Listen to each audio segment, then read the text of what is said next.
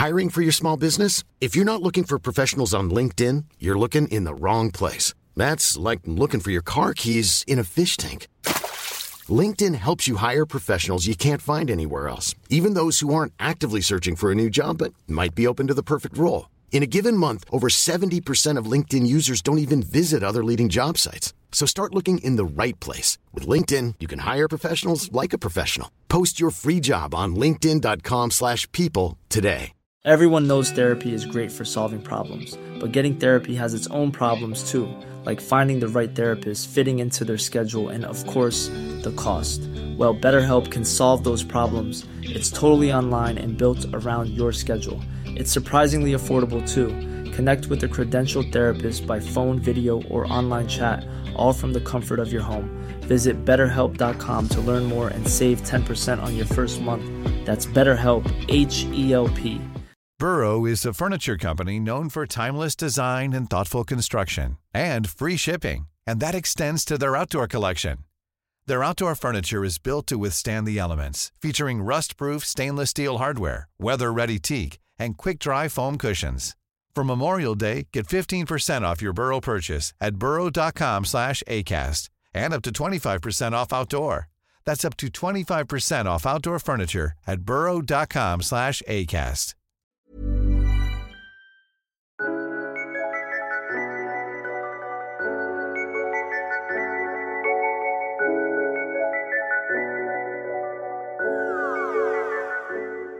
Välkommen till MaxTent Podcast med mig, Max Filman.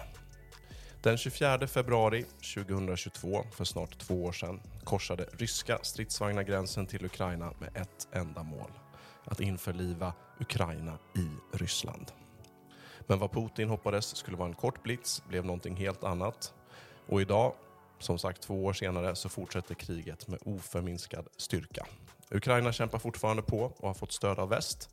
Och många frivilliga har tagit sig till Ukraina för att kämpa på Ukrainas sida. Och idag så har jag äran att välkomna en av dem som valde att frivilligt resa ner för att både strida och utbilda ukrainare. Det är den svenska Ukraina-frivilliga Dalle som representerar organisationen Sveod. Välkommen till Maxten Podcast Dalle. Stort tack för det. Ja, du har valt att vara anonym, så vi kommer att ha dig lite eh, skyddad av den här balaklavan. Mm. Om folk undrar varför vi har valt det. Och det kan ju folk kanske tänka ut lite själva vad, vad det beror på. Vi var ju lite inne på det när vi intervjuade eh, eh, Okänd soldat också. Eh, ja. på den. Men vi brukar ju börja med en liten kort bakgrund kring den vi intervjuar med uppväxt och sådär. Nu eh, behöver vi inte gå in på detaljer här nu, men lite kort bara. Eh, jag tror de som har varit inne på er Youtube-kanal, de inser ju vilken del av Sverige du är ifrån i alla fall. Så vem är, ja. vem är Dalle? Ja, men det döljs inte. Nej, men jag är ju en, eh, en bondpojk från Skåne egentligen. Uh, uppvuxen uh, på uh, gård med lantbruk och allting. Två syskon.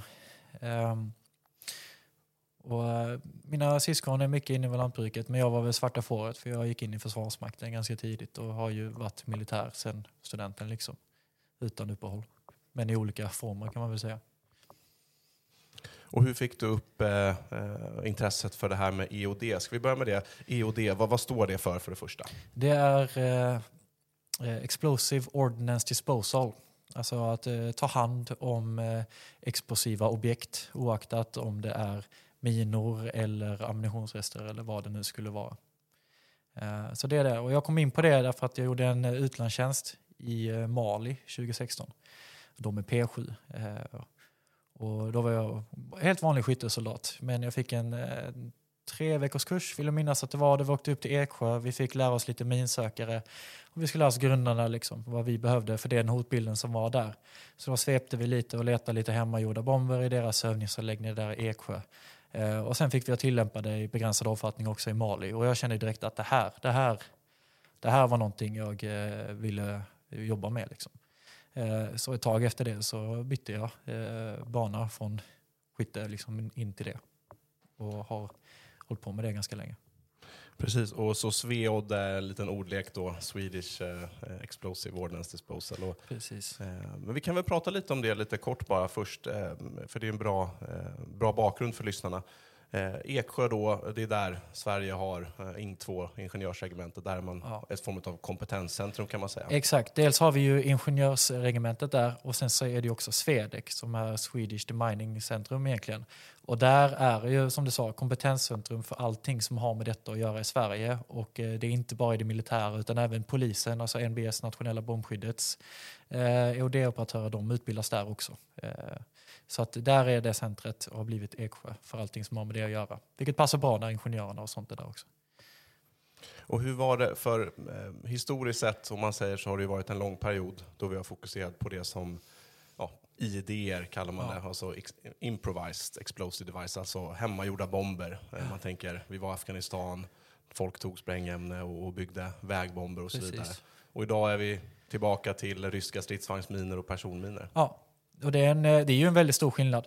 Eh, med de hemmagjorda är många sätt väldigt mycket svårare. För att eh, fördelen med de konventionella minorna och liknande där är ju att vi vet hur de fungerar. Man kan titta på skisser som ser att det är så här den fungerar och den görs i bulk. Och då finns det ju också då vet man också vilka metoder man ska använda för att ta sig an den där.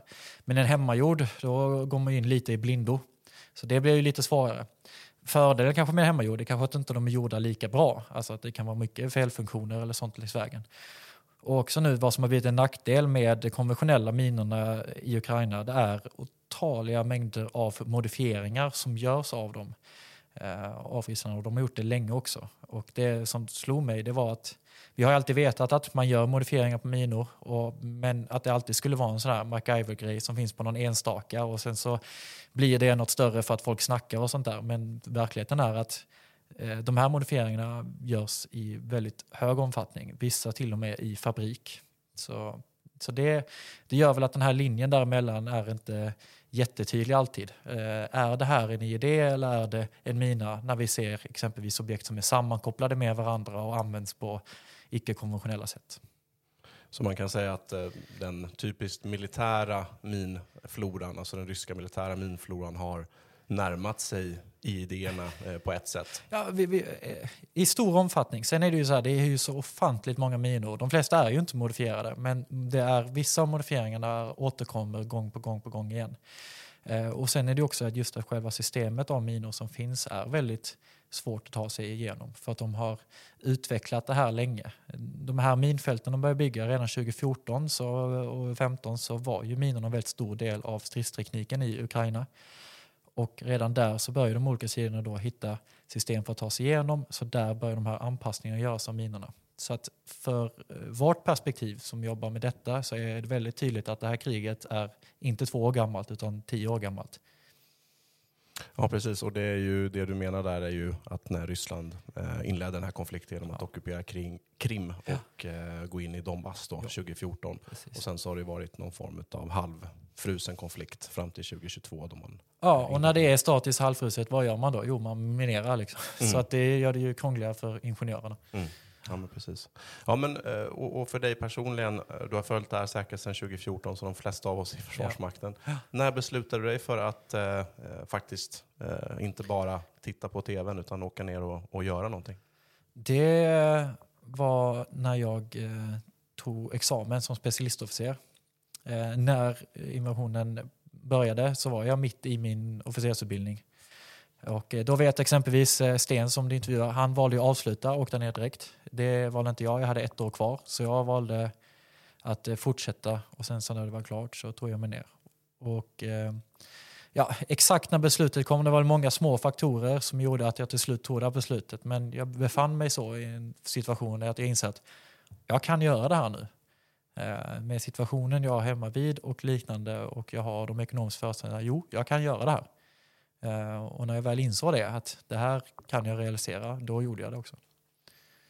Så då fick du säga upp dig från Försvarsmakten Ja. och, och, och ta dig ner då helt enkelt Precis. till Ukraina. Ja. Eh, Berätta lite om, om, eh, om resan ner och, och ja, hela det där. Hur du utrustade dig, hur du förberedde dig och allt det där. Ja, först tänkte jag att jag googlade ju och hade mig och insåg att Legionen är väl ett bra val. Det är väl det valet som är först så. så jag, Vad är legionen för något? Det är ju internationella främlingslegionen, eh, ukrainska. Och det är egentligen när kriget började, var, tog väl bara någon vecka innan Zelensky eh, gjorde ett uttalande att han behöver utländska volontärer, eh, militärer, till detta. Och då eh, kraftsamlas det eh, i eh, västra Ukraina i närheten av Lviv till eh, det som blev internationella legionen. Eh, och där eh, är eh, det ett spännande eh, ställe. Det är många olika nationaliteter, väldigt mycket konstigt folk som dyker upp där. Ehm, men av de här konstiga folken och det här lite oklara så brukar det alltid komma fram en skara av bra folk i de här enheterna som sen kommer vidare till fronten och gör saker. Eh, konstigt folk, alltså du menar folk som kanske inte borde Nej, det, så, är, det håller jag, så är det verkligen. Det är eh, många lösdrivna folk utan militär bakgrund, folk som är där av fel anledningar och liknande. Och det ska ju då sållas bort. Men jag var ju inte där i början 2022, men det var väldigt svårt för dem att gå igenom alla de här människorna och försöka processera dem, för det är ju faktiskt en militär de ska in i. Eh, och det är ju en, en, det är en professionell militär som de ska in i. Så då krävs det ju någon form av grundbas som alla ska ha och liknande. Eh, ja, vi kan komma till det när jag kom till legionen där. Då, eh, då kom jag dit till ett kompani eh, som var engelsktalande och så hade vi andra kompanier som var ett som var rysktalande eh, och ett till som var eh, georgier mycket. Eh, och eh, och där, det var väldigt speciellt om man kommer från en bakgrund i Sverige att jobba med dem därför att det var väldigt många som gjorde saker helt annorlunda från oss. Mycket var bra, mycket var bättre än oss. Jag tyckte väldigt mycket om det jag lärde mig av amerikanerna och sånt där. Eh, men hela kompaniet upplöstes egentligen på grund av ganska dåligt ledarskap och, eh, och eh, andra sådana problem. Och det kompaniet det upplöstes och, men de flesta av dem fortsatte vidare och bytte brigad och bildade vad som då blev Chosen Company som man har sett en del i media. Eh, men jag lämnade och jag gick inte den vägen utan då började jag som instruktör åt tredje, tredje anfallsbrigaden. Så att när man kommer där till Lviv då, då försöker de ukrainska myndigheterna då eh, sätta ihop eh, förband och ja, allt ifrån då ja. eh, minsta enhet i militären är ju en grupp kan man säga. Minsta ja. enheten är väl stridspar, men, men, men, grupp och så pluton, 40 man, kanske 50 man, kompani, 100 man, Precis. bataljon. Exakt. Och det, som är, och det som är problemet med de utländska kommer dit, vissa är där för fel anledningar. Vissa vill bara vara där för pengarnas skull exempelvis. Och de vill gärna inte vara vid fronten. De kanske håller sig på bakre områdena. Eh, vissa är där för att ta sina Instagram-bilder med en Kalashnikov och sen åka hem igen. Så, så är det liksom. Så att det här måste, folk måste ju processeras och valideras för att sen integreras innan de bildar den här enheten. Och det är svårt och ibland lyckas det, ibland lyckas det mindre bra. Eh, och eh, som det ofta blir, det är ju att man försöker starta en större enhet eh, men det blir svårt. Men i den här så finns det ju alltid en kärna av bra personer som vill rätt och där, den brukar sen komma till fronten och göra bra saker. Jag skulle också vilja adressera det och höra vad du, eh, din erfarenhet kring det. För det eh, från rysk sida så hävdar man ju ofta det här med denazification, att det är bara massa nazister och eh, massa så. så jag tänkte bara, hur, hur ser det ut där? Det är en av de grupperna människor som man så att säga vill försöka få bort då eh, inledningsvis? Eller ser man någonting överhuvudtaget av folk med, vad ska vi kalla det? De, eh, de enda nazisterna jag träffat i Ukraina, det var faktiskt där i legionen. Det kom två stycken eh, franska killar med eh, tillhörande tatueringar och allting. Och kände att här, här har vi hittat eh, vart vi ska vara. Det, de var inte där många timmar innan de blev sparkade därifrån över tillbaka över gränsen. Det är de nazisterna jag har träffat. Mm. Eh, de hade väl lyssnat på den här ryska propagandan och trott att eh jajamän, här ska vi vara. Men det syntes ju väldigt snabbt vad det där var för typer och de sparkades ut direkt. Mm. Vad var det mer för typ av, av, människor som blir kvar kontra människor som, som åker ut mer då? Förutom du nämnde Instagram och allt det här. Dels är det ju yrkesmilitärer som åker kanske av samma anledningar som mig. Man tror på detta och liknande. Det finns en del människor som kanske inte kunde komma med i militären i deras eh, hemland av olika anledningar men kände väldigt starkt att det är det de vill göra. Eh, det finns de som eh, verkligen tror på Ukraina men inte har så mycket militärt att bidra med men är villiga att lära sig. Sådana personer kommer också. Så det, det är allt möjligt egentligen som dyker upp. Det är, väldigt, det är inte särskilt homogent i legionen men Eh, men den processeringen och valideringen av soldater, liksom, den, eh, det, det, det, brukar ju sluta i en, kärna av soldater som sen blir integrerade och blir någon form av enhet som sen är redo att lösa uppgift. Och hur kommer det sig att du då inte eh, gick med i något av, av legionens förband utan faktiskt blev eh, hamnade på en, av, en ukrainsk brigad? Då, Ja. Mm. Det är eh, via en svensk kontakt som frågade vill du vara med och vara instruktör åt de här tredje stormbrigaden. Och jag kände att ja, men det här måste jag ju testa. För tredje stormbrigaden är ju välkända i Ukraina. Eh, verkligen. Deras eh, reklamaffischer är ju överallt och det, de är ju så pass kända att till och med i Sverige i svensk nyhetsrapportering pratar man ju om dem. Jag hör ju att Paasikivi, han separerar ju tredje stormbrigaden från det ukrainska förband när han pratar om läget i Ukraina. Eh, och eh, ryska militärledningen, eh, är min uppfattning att de har också nästan sagt rakt ut att det här är det bästa vi har. Eh, så att, där fick vi en chans att åka dit och instruera dem och eh, den kunde inte jag säga nej till. Och de, eh, som du nämnde här, förbandet tredje eh, stormbrigaden, det hör man ju på, på namnet vad deras eh, tilltänkta uppgift. Och det här var ju ett av de brigaderna som sattes upp i syfte att genomföra den här motoffensiven då som var under ja, vad ska vi säga, sommaren 2023 eh, och framåt där. Ja, de var lite tidiga. De här var Mm. med sedan start och Okej. de har varit i östfronten sedan dess. Egentligen. Eller det är ju det är nu på senaste, är väl första gången de har lämnat området runt Bachmut. Så, och där kan har ju kommit fram öppet. Så det är ju att de lämnade ju en period och nu har ju de precis eh, varit med och eh, i Adivka, kom in där i slutet, tog tillbaka lite terräng för att möjliggöra att de andra enheterna kunde dra sig ur och sen drog de sig ur också. Eh, Men ja, det är ju ett spetsförband de har eh, som är dedikerat för de här anfallen. Precis, och för de som inte har så mycket eh, militär bakgrund så kan man ju säga det att, att genomföra en ganska så statisk försvarsstrid kräver ju betydligt mindre utbildning än att genomföra offensiva operationer när stämmer. man ska sam, samverka med olika typer av ja, artilleri, stridsvagnar, stridsfordon och, och såklart. Det kan man kanske tänka sig. Precis. Mm. Så där finns ju det här behovet av att kunna eh, röja mineringar. Ja. Och när du kom dit då, hur, hur såg det ut då? Blev du en del av eh, den ukrainska armén eller hur såg det ut liksom rent legalt? Ja, rent legalt så där har vi varit fristående instruktörer med den brigaden. Eh, jag är inte en del av det förbandet. Eh, är jag inte. Vi kom dit, vi var ett gäng svenskar som kom dit eh, och vi pratade först med soldaterna. De var väldigt skeptiska eh, till oss. Eh, det var inte första gången utlänningar skulle komma och instruera dem och det var de väldigt skeptiska till. Eh, men det blev att de eh, chansade på oss. Då var det att de andra svenskarna de skulle utbilda i mörkerstrid skulle de göra och jag skulle utbilda i mintjänsten. Så jag gick min separata linje därifrån också. Eh, den utbildningslinjen med mörkerstrid, det blev inte så mycket av det och det är inte på något sätt något fel med de svenska instruktörerna men det är ju väldigt svårt att komma in med en bakgrund i Sverige, i deras fall hemvärn, och försöka utbilda de här som är eh, nog världens mest erfarna soldater. Liksom. Ehm, eh, och det var inte dålig utbildning men den fortsatte inte hela vägen utan det blev lite utbildning och det blev väl bra så. Eh, men det jag kunde bidra med det, det gillade de och ville att det skulle fortsätta.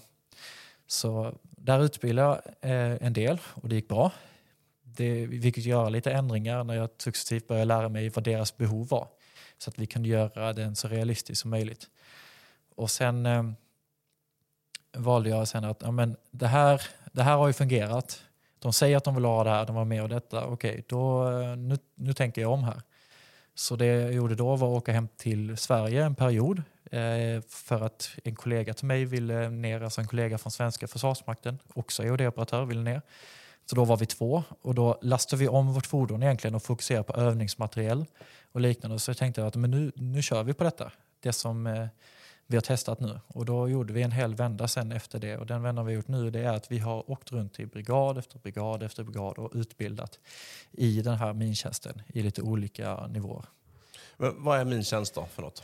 Ja, alltså om jag säger så här att innan det här kriget och den här mineringen som har gjorts så har både i Ukraina, samma sak som i Sverige, varit mintjänst är någonting som ingenjörer håller på med. Alltså det är en skyttesoldat ska veta om minor, det är att man ska undvika minorna om man går runt. Och det är liksom grunden. Så allt annat, det är ingenjörerna får ta hand om detta. Och så tänkte man ju Ukraina också. Vilket betyder att Ukraina har jätteduktiga ammunitionsröjare i eh, deras ingenjörsförband. Men nu är det ju inte en möjlighet att göra det längre. Så nu måste ju även de här skyttesoldaterna ha utbildning inom mintjänsten för de förväntas verka i miljö som är full av minor. Och det är verkligen så att fronten har minor överallt. Det är ett konstant hot. Och ja, det är ett statiskt eh, krig på en strategisk nivå, men på taktisk nivå så flyttar sig de här eh, eh, gränserna egentligen eh, till det ena eller andra stället. Alltså ibland tar Ryssland lite mark lokalt, ibland tar Ukraina lite mark lokalt. Och det som eh, stämmer är att varenda gång det sker så kommer ju sedan både ryssarna och Ukraina minera framför sina ställningar och liknande. Och så har böljar det, vilket betyder att det är verkligen minor på väldigt många olika platser. Så att eh, man får ju räkna med att ska man göra någon form av rörelse just nu så får man eh, beakta minhotet när man är frontnära. Och det det betyder för exempelvis de du sa som försvarar Eh, ofta kanske de är och försvarar samma terrängparti en väldigt lång tid. Ja, då vet de ju vilka stigar de kan gå på. Och att de vet att man avviker inte från det, där är det minor. Så där är det ju hyfsat eh, okej okay för dem. Ibland vill man ju bort sig och då är det fullt möjligt att man sprängs på en mina. Men för de som anfaller, då är, är det ju svårare. Då, de planerar ju inför, efter det här minhotet, de spanar med drönare och lyckas ju oftast hitta vissa minor där och tänker att ja, men okej, då tar vi den här vägen in. Men vad gör de ifall de träffar minor där under den vägen? Då blir det svårt för dem. Och det är ju det vi jobbar för, att de ska ha en redundans där för att kunna hjälpa till att komma igenom ändå. Så man kan säga att eh, ja, historiskt eller klassiskt västerländsk stridsteknik eller taktik var att om eh, ett förband som inte är ett ingenjörsförband stöter på en minering så ja. försöker man kringgå mineringen Helt och anfalla eh, någon annanstans då ja. istället. Ja. Och i Ukraina så finns det ingen som helst möjlighet att hela tiden invänta ingenjörer för att lösa det utan man måste ett vanligt skytteförband, ett anfallsband måste kunna ta sig igenom. Ja, de ska ha en del. Eh, de ska ha eh, någon möjlighet till att göra det själva. Det stämmer. Eh, annars så får man antingen vänta på ingenjörerna eller så får man ta sig igenom på ett annat sätt. Man kan bli stillastående och då är du ju mer eh, exponerat för andra vapensystem. Eller så får du faktiskt chansa att ta dig igenom i alla fall. Och det händer och det är ju varierande resultat på det. Ja precis och det är ju Ja, det är ett hemskt vapen, man kan ju tänka sig det själv. Alltså, det finns ju minor som löser ut då från alltså, tryck av en, eh, ja, en vanlig fot, alltså någon ja. som kliver på dem. Och det finns minor som utlöser ja, det krävs ett stridsfordon eller ett, ett fordon, alltså olika typer av trycklösare. Men, men beskriv lite mer om hur, eh, ja, men hur fronten ser ut när det gäller mineringar och hur, eh, alltså, så att man förstår lite vad, eh, vad det är man måste ta sig igenom helt enkelt. Ja, men dels har vi ju de stora strategiska mineringarna och kanske vi pratar om Surovikonlinjen exempelvis. Den har ju gjorts lite bakom linjen och det har gjorts av ingenjörsförband. Och där snackar vi att få ut saker i bulk och då har ju ryska ingenjörstruppen med specialfordon som kan få ner de här minorna väldigt snabbt lyckats minera ett väldigt stort område i ganska fina minlinjer med bra avstånd mellan minorna och liknande. Eh, så det är ju den ena typen. Sen har du ju också de taktiska mineringarna som görs nära fronten och där hittar du väldigt många exempelvis handgranatförsåt, alltså folk som har handgranater och eh, utlöser dem med ett snöre.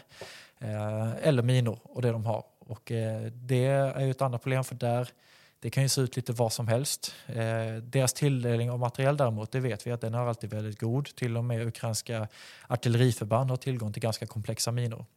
Eh, så att tilldelningen av minor är god och de använder dem väldigt, eh, väldigt friskt. Så att, men det är ett svårt hot. Är det. En fördel är att väldigt mycket är inte nedgrävt. Vissa minor är gjorda för att inte nedgrävas för att de kanske skjuts ut från luften eller liknande. Eh, men en del är det. Sen så har ju marken bearbetats väldigt mycket i och med att det skjuts mycket artilleri så att väldigt mycket är kanske till till del täckt av jord och vissa är till del synliga och, sånt. Um, så det är ett konstant eh, hot, eh, men kanske väldigt ofta kanske inte det primära hotet som de har, men de måste alltid ha det här i beaktningen. Men sen finns det ju också områden där det är minerat så pass tätt så att det här är en hindrande minering. Alltså då är det så pass många minor i marken att det här, mina syfte nu är att de kommer inte igenom här om de inte genomför minbrytning. Eh, så det finns ju även störande mineringar som är lite mindre minor men som, ja, eh, det beror på liksom mineringens syfte. Och du nämnde det, minbrytning. Vad, vad betyder det? För jag tror att många tänker sig alltså mintjänst, liksom begrepp så, minsvep, man sveper minor Ja. och man bryter minor. Vad, om du ska gå in lite på, på lite mer nördiga militära men- termer. Nördig militära term- term- termer är att eh, minbrytning det är att i samband med strid eh, Eh, med högre risktagning öppna, en passage genom minfält. Det är det det handlar om. Att röja minor i Ukraina det går egentligen i fyra steg. Det första steget där är om man ska ta en position. Då är det min, minorna som är på vägen till den positionen. Då är det att de ska ta sig igenom. Och det görs ju snabbt och hårt. Gör det. det är kanske en minröjningsorm som spränger upp en väg en stormpionjär som vi utbildar som öppnar upp den vägen eller liknande. Och då pratar vi också bara om att prata, skapa en passage som man kommer igenom. Och vad är en minröjningsorm för något? Minröjningsorm det är en lång slang egentligen med sprängmedel som skjuts iväg med en raket och då lägger sig på backen och sen sprängs den och då har du ju gjort ett stråk där i marken där som man kan springa över. Eh, Den är framgångsrik i Ukraina, den svenska är hyllad som en av de bästa men den har sina begränsningar också. Så man lägger en, man skjuter ut en, vad man kan säga som en lång stråk sprängmedel och så spränger man upp en väg genom minfältet. Då har man Ja. 100 meter, 200 meter som man kan ta sig. Ja, 100 meter kanske, det beror på vilken du, du Mm. använder. Men minorna har ett visst övertrycksskydd mot detta. Så det är ju känt av Ryssland att de här systemen finns och har Mm. funnits väldigt länge. Så det har de ju tänkt på när de gör sina mineringar att eh, det är en väldigt dålig minering om det bara krävs en minröjningszon för att ta sig igenom den. Och då kan man exempelvis göra den mycket djupare. Det är ju ett sätt. Eller nyttja minor som eh, kan ta en i alla fall. Minor kanske som slår mot sidan eller liknande. Eh, men det är det första steget, det är ju bara att ta sig dit. Det andra steget är det som görs av ryska ingenjörstrupper och då pratar vi kanske sen att man har tagit den här nya positionen. Då måste man ju sen se till att eh, det kan kunna komma förnödenheter fram och tillbaka, evakuera skador och liknande. Eh, så där jobbar de här ryska ingenjörstrupperna då egentligen med kanske att öppna vägar dit. Så det är den typen av minröjning som görs av de här militärförbanden och de jobbar ofta i gryning och skymning. Eh, vill det gälla dem att jobba, då har de något solljus att jobba med plus att det är lite svårare för drönare att hitta dem därför att det är disigt i luften. Eh, så det är egentligen steg två i den här röjningen. Steg tre som kommer sen, då är vi lite längre bak.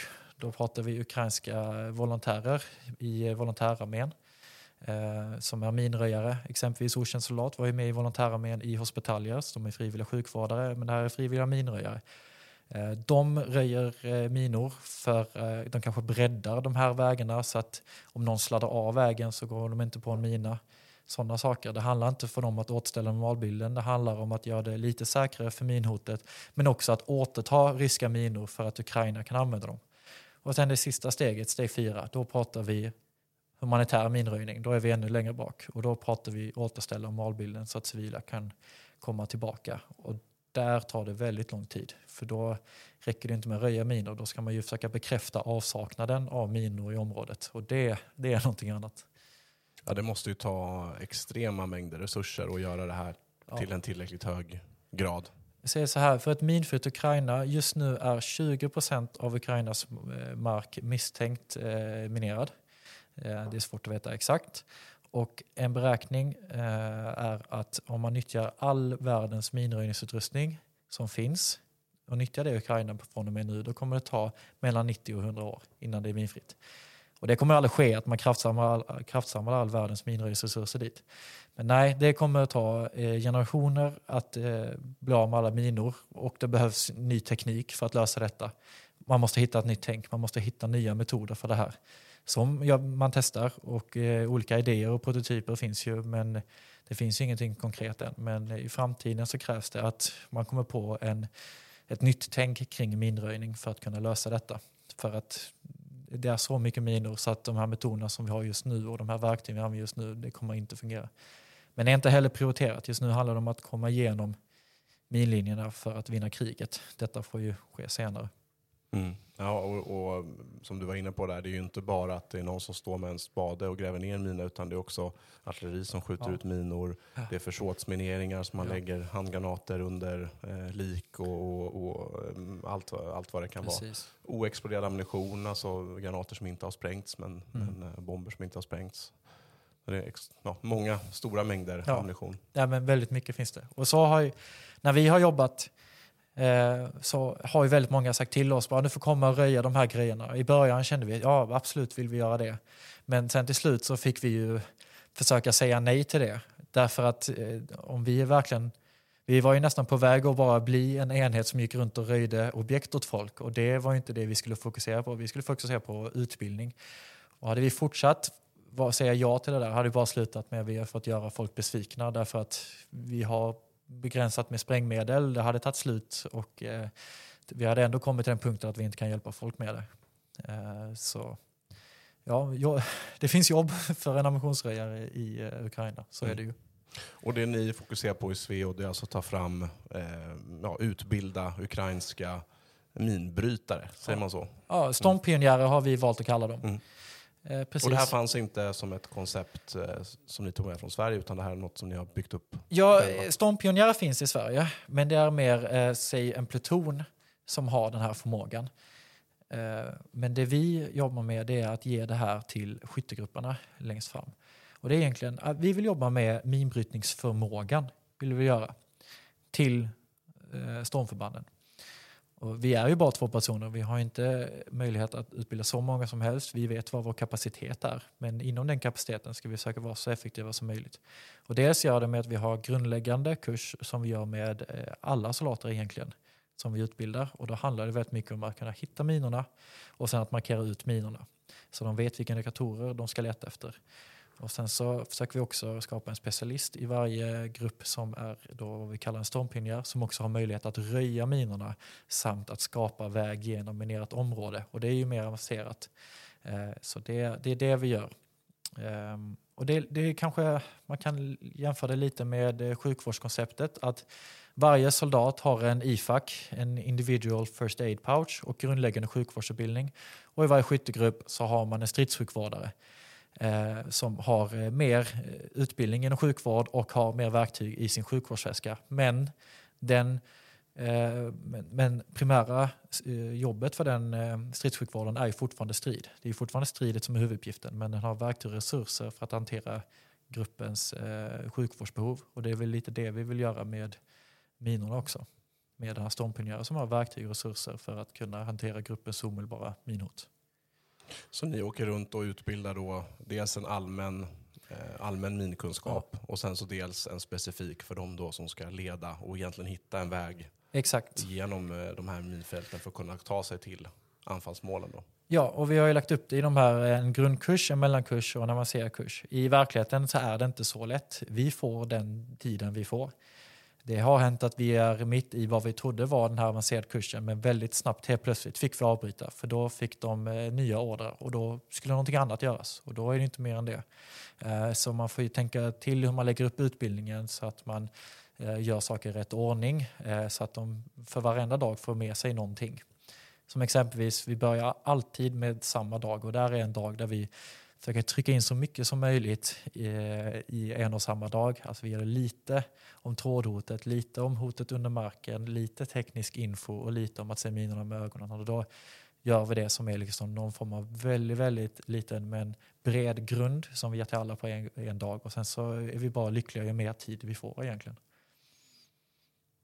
Men kan du inte gå in lite på, på den utbildningen? Du nämnde lite olika delkomponenter. Vad, hur, hur, blir man, hur får man koll på, på det här? Ehm, ja, beskriv en sån här dag. Ja, nej men det är ju, vi, vi behöver inte göra ammunitionsröjare. En ammunitionsröjare eh, om man, tar, om man tar sjukvårdsexemplet, en stridssjukvårdare behöver ju inte vara en läkare. Den behöver kunna vissa, veta vissa saker och kunna tillämpa vissa metoder. Eh, väldigt mycket handlar om att hitta minan innan minan hittar dig. Det är ju vårt primära fokus och det går ju att göra. Det finns vissa indikatorer på att det finns minor i närheten. Då måste de veta vad de här indikatorerna är. De måste veta hur många minor som finns i den här eh, PMN-2-minhöljet. Eh, så vad de vet är okay, men det är så många minor som finns i den här lådan. Vi har hittat så här många, men då betyder det att det finns det de här som vi inte har sett exempelvis. Alla sådana saker måste de ha rätt på. Vad är indikatorerna på att det är minor i området? Exempel, då har vi exempelvis den här, eh, en POM 2 finns en mina, det är en utspridningsbar mina, den skjuter ut trådar i olika riktningar, den kommer från luften.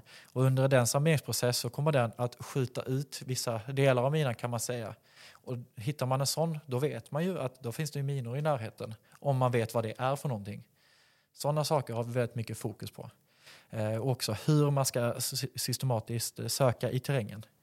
Eh, också så vet vi hur Ryssland taktiskt använder de här minorna, exempelvis eh, vissa fällor som de gillar att göra, som vi får eh, veta om att de använder på väldigt bred front. Och då vill vi ju lära dem om de här fällorna så att de ser det här och inser att det här är, eh, kan vara en fälla. Då går de inte på det tricket.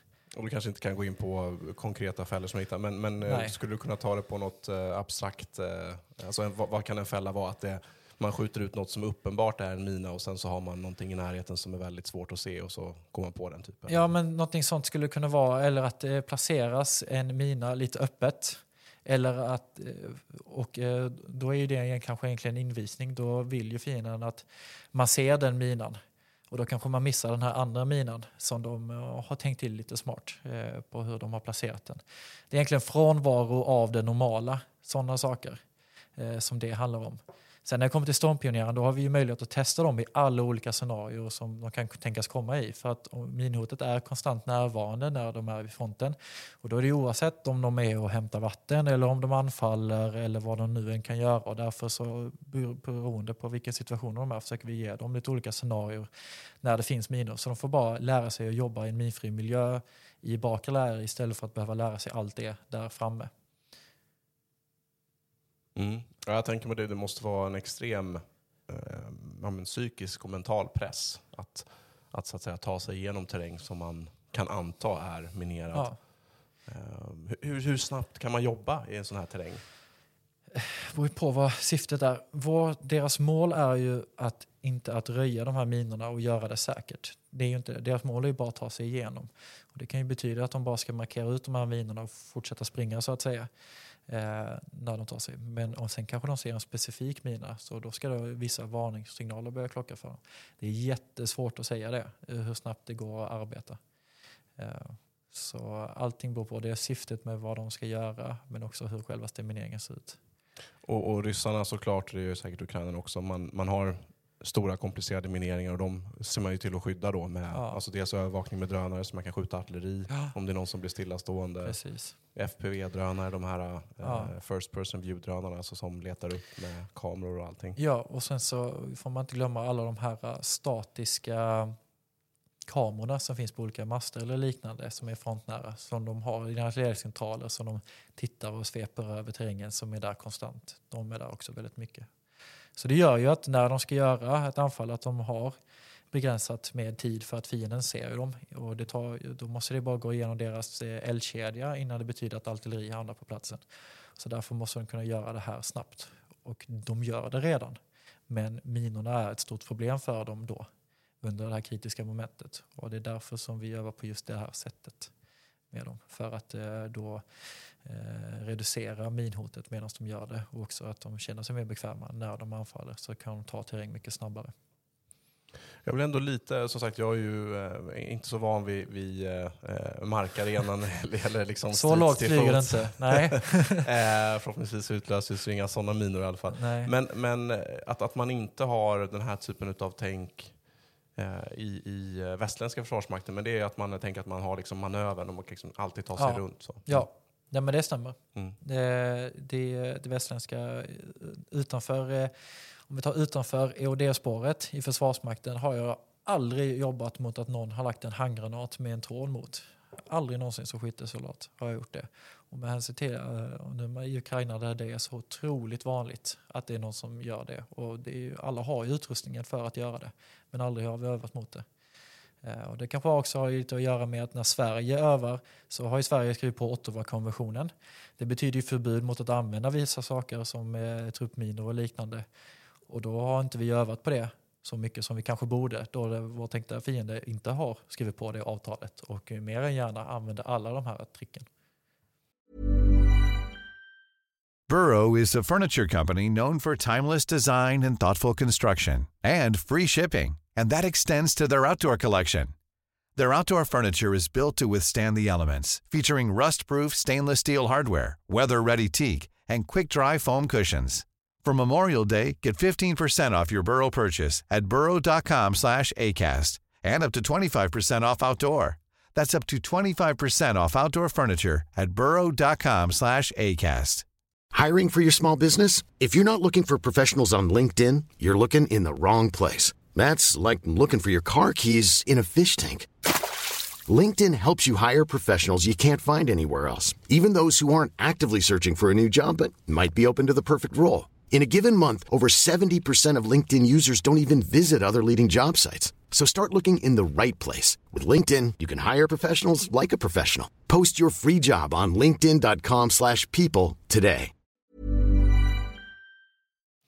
Ja, det är någonting som jag har lyft några gånger. Att jag tycker det är väldigt märkligt att vi frivilligt begränsar oss i att använda vissa typer av vapensystem. Då, som till exempel eh, minor, alltså truppminor och även eh, klustervapen. Eh, vi plockade ju bort bland annat bom- bombkapsel 90, det är ju sådana här flygvapen. Eh, ja, det är ju sån sorg att vi inte har kvar den. Eh, eh, Medan våra tilltänkta fiende eh, naturligtvis kommer att använda de här. Och vi ser ju att de använder dem i stor utsträckning i Ukraina. Jag tänker bara på det jag sa, bombkapsel 90 där, vad det är den klusterbomben där. Jag, jag fick lära mig om den. Vi hade ett övningstask i Försvarsmakten när vi övade mot den.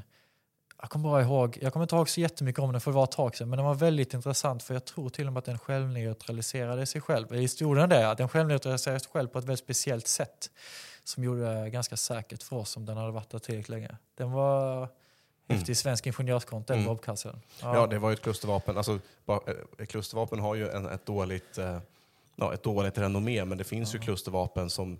eh, Alltså, anledningen till att man ville begränsa klustervapen, som jag förstod det, det var just att eh, det ligger kvar då oexploderad ammunition Exakt. För, som civila kan gå på efter konflikten. Ja, Eh, Men för bombkapsel 90 så gjorde man ju, om jag har förstått det hela rätt, eh, substridsdelarna då helt strömlösa. Det, så att det fanns liksom ingen fysisk möjlighet. Eh, man kan jämföra med att eh, om man tar ett gevär och spänner upp, alltså laddar det, eh, så kan man jämföra med att efter ett tag så gjorde den här bombkapseln att det här geväret var oladdat i princip. Det Ja. fanns liksom ingen fysisk möjlighet för den att, eh, att detonera längre. Nej, jag minns bara det mekaniska när jag lärde mig om den under när vi övade mot den. Liksom, när vi väl insåg att okay, det här är bombkapsel 90 substritel och vi skulle börja lära oss okay, hur ska vi ta an det här och sen så började vi verkligen titta på konstruktionen. Hur fungerar den här? Och så kom vi fram till att nej, men det här är ju knappt ens ammunition längre. Det här är ju skrot nu. den, är- ja, Mm. Nej, häftigt. Nej, Ja. men det är märkligt att vi, att vi väljer. Men det Ja. blir ett litet sidospår. Men i Ukraina så finns det definitivt eh, truppminor och alltså personer Det det. och allting. Ja. Hur, hur, eh, hur kom ni på hur ni skulle lägga upp den här utbildningen? För då har ni på kort tid kan man säga tagit fram ett helt nytt utbildningskoncept som du nämnde där. Ja, alltså det är inte, vi har inte gjort det här själva, men det som hände är ju att när jag väl började eh, utbilda just väldigt erfarna ukrainska soldater som hade så otroligt mycket fronterfarenhet, eh, då var det på deras bevåg bara att vi måste göra det här snabbare. Eh, och de var också extremt duktiga och eh, jag utmanade inte dem tillräckligt så jag gjorde. Så då, okay, men då höjer vi ribban här nu och då gör vi det svårare och det gjorde vi egentligen med tiden. Och så började det. Eh, att, eh, så det började på det spåret men sen så har du ju nu förstått okej vad här är deras behov de, är, de har. Då jobbar vi specifikt för det. För att det är väldigt många som säger det att man kan inte minbryta under direkt strid. Att det är omöjligt. Och ja, det är omöjligt. Men de gör det hela tiden. Då får vi utbilda på det. Eh, Så det är egentligen så det, så det Berätta blev. vad det, hur det kan se ut när man ska minbryta under men om vi tar och i västerländsk kontext, även när vi i Sverige minbryter, alltså som vi övar, så är ju då tanken att det är en väldigt stor operation att göra det och det är väldigt riskfyllt. Och då vill vi inte göra det direkt mot fienden, utan då kanske om man ska minbryta över fiendens mineringar, då kanske man samtidigt som det gör ett flankerande anfall eller liknande för att eh, fiendens uppmärksamhet ska vara någon annanstans för att ge dem en möjlighet att kunna minbryta. Så är det inte i Ukraina, utan det här, är, det här är ett minhot som finns under anfallet som de genomför, som de måste ta sig igenom. Och det finns olika metoder för det här. Vi pratar exempelvis om minröjningsormar, men också också den här metoden att de springer rakt över. Och det är väldigt ofta så. Jag kan ta ett annat exempel på en annan brigad som vi arbetade. Då en svensk som utbildade dem, han eh, ringde mig och sa det att du, eh, de här killarna de ska ut på ett anfall om en vecka. Vi förbereder för det här specifika anfallet nu. de har minor i vägen. Eh, vill du komma hit och hjälpa till? Eh, och det gjorde jag. Så då hängde jag med han och så kollade vi, okej, okay, vad är hotbilden? Okej, okay, de här minorna. Eh, och pratade med deras chefer. Okej, okay, men hur ska ni ta hand om det här minhotet? Så sa de bara, vi springer över dem. Vi har inga andra alternativ. Eh, och det gick ju inte att rådfråga han om någonting annat. Och jag har inte mandat att ändra någon plan eller ingenting, utan då fick vi jobba med de förutsättningarna. Okej, det finns de här minorna, de måste ta sig över väldigt snabbt. Och då gjorde vi det. Då, vi har möjligheterna till att öva så. Vi eh, hittar terräng som ser ut väldigt likt som den terrängen som de skulle anfalla. Och vi använde hundratals minor som vi strösslade ut där och vi pratade om de här olika minorna. Vad betyder den här minan för dig? Betyder det här att en person har varit här och lagt den? Nej, okej, okay, det kanske det inte gör. Det betyder detta. Vad betyder det då? Ja, det kan vara i träden. Exakt, den här minan kan vara i träden också. Så börjar man tänka lite så med dem. Och de gjorde det här anfallet. Eh, och det, det gick bra. Det gjorde det. De tog sig igenom minfältet eh, utan förluster. Men sen när de eh, under striden så blev det en person som blev eh, svårt skadad och den personen krälade sen tillbaka mot seniga ställningar och där krälade den personen på en mina. Och det är den första bekräftade förlusten vi har från eh, en mina eh, av de vi har utbildat. Eh, och då får man ju tänka på hur kunde vi gjort lite annorlunda. Man kanske skulle ha tränat dem hårdare för att Eh, i den situationen och det stadiet han var när han klev på den här minan. Det var inte så här trevliga förhållanden för han var ju väldigt svårt skadad redan innan han trampade på den. Eh, men där var där. Hur ser erfarenhetsutbytet ut vid, vid fronten? Alltså, får ni vara med då när de har genomfört olika typer av uppdrag och vara med på deras debrief då, eller hur ser det ut där? Eh, dels är det ju det. Eh, sen har vi också varit med på uppdrag själva, men min fronterfarenhet är väldigt begränsad. Det jag kan säga om min egna fronterfarenhet är att jag har varit väldigt rädd hela tiden eh, som jag har varit där. Eh, också har mycket att göra med att jag har väldigt lite förståelse för vad som händer och det är för att min ukrainska har inte varit tillräckligt god. Men eh, ja, det är det. Det är dels debrief och sen så har vi väldigt tätt samarbete med andra ammunitionsröjare, både ukrainska och utländska som är i landet. Det är ju en nischad specialitet det här EOD så att eh, de olika utländska som är här, om vi tänker exempelvis Harley, Swampy och alla de här som i alla fall i min värld är lite kända. De pratar vi alltid med om det är någon som upptäcker något nytt. Då eh, pratar vi om det i våra små grupper och försöker instruera okay, vad är det här för någonting. Den här nya substridsdelen, hur fungerar den? Hur ska vi ta oss an den och liknande sådana saker. Så att informationsutbytet finns ju där men det är också ett väldigt svårt träsk att ta sig igenom för att väldigt många myter kommer fram om minorna samt att vi kan inte lita på vad ryssarna själva säger om sina egna minor för det kan vara eh, väldigt vilt vad de påstår att de här minorna gör när de egentligen inte alls gör det. Nej, för det är ju någonting som eh, jag tycker är en av de erfarenheterna som jag hoppas att Försvarsmakten och, och, och västländska militärer tar med sig just från den här konflikten. Att eh, man måste ha en kontinuerlig erfarenhets, eh, ett erfarenhetsutbyte mm. som sker kontinuerligt under konfliktens gång. Det räcker inte att utbilda sig inför konflikten och sen genomföra konflikten. För det kan ju hända ja, men stora saker tekniskt, stridstekniskt, alltså vilken taktik de använder, mm. som man ju på ett väldigt snabbt sätt vill sprida brett i organisationen. Mm. Eh, och eh, ja, jag är inte helt säker på att vi, om jag säger vi då, i Försvarsmakten har, har alla de här eh, möjligheterna idag kanske. Jag säger så här, vissa Mintjänsten så vi har ju bra ingenjörstrupper och EOD-operatörer, inget eh, snack om det. Det vi eh, inte har det är kanske inte att har det på bredd, så mycket utbildning om det här. I Sverige har vi någonting som heter SUMOI, säkerhetsutbildning, MINA, OXA, IED. Det är eh, en tvådagarskurs vill jag minnas som egentligen nu är tanken att alla värnpliktiga ska gå igenom när de lär sig lite om vad gör man med oexploderad ammunition eh, och minor och liknande. Det är två dagar. Det här är väldigt nytt i Försvarsmakten. Det kom bara några år sedan att det här ska vi få ut på bredd. Det är jättebra och två dagar är i alla fall någonting. Men eh, sen så hoppas vi ju på att inte kunna strida på sånt här sätt som det görs i Ukraina. Eh, men för Ukraina räcker ju inte det på långa vägar. Så är det ju. Men eh, det beror också på vilken konflikt vi tror vi kommer vara i i framtiden och hur vi tänker att vi ska föra kriget.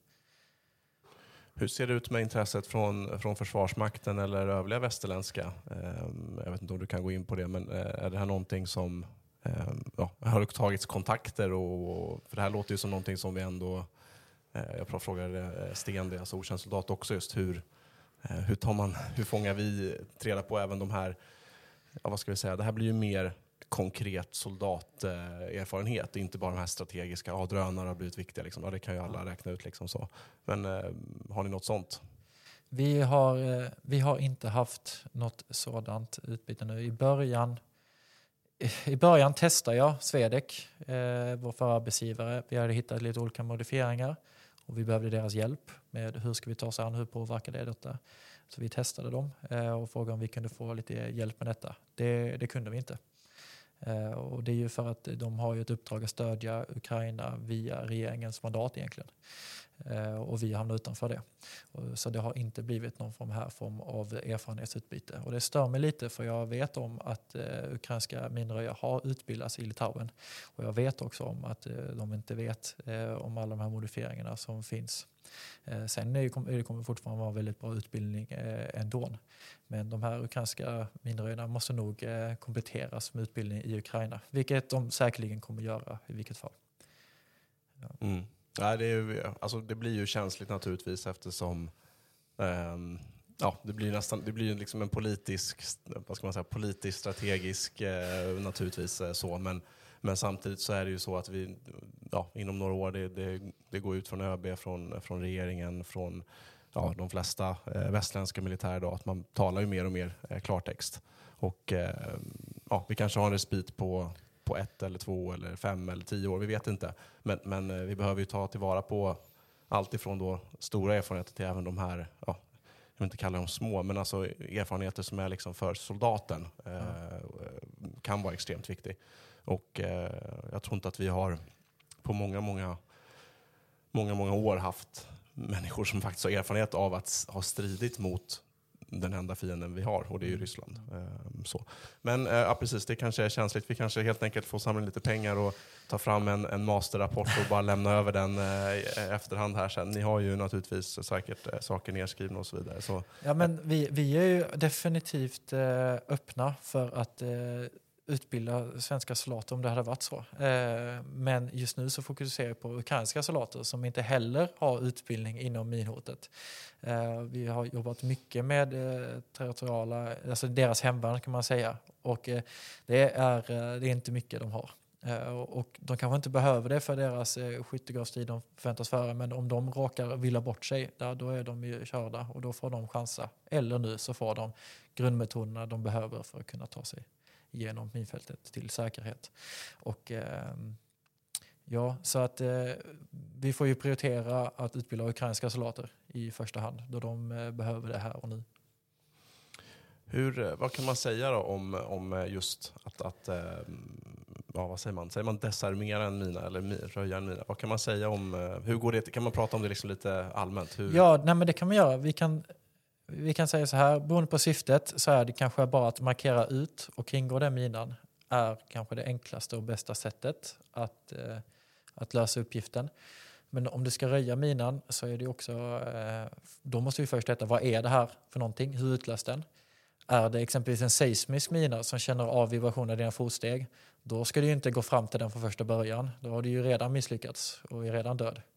Eh, så att man måste ju först veta vad är det för hot som möter mig och, och liknande.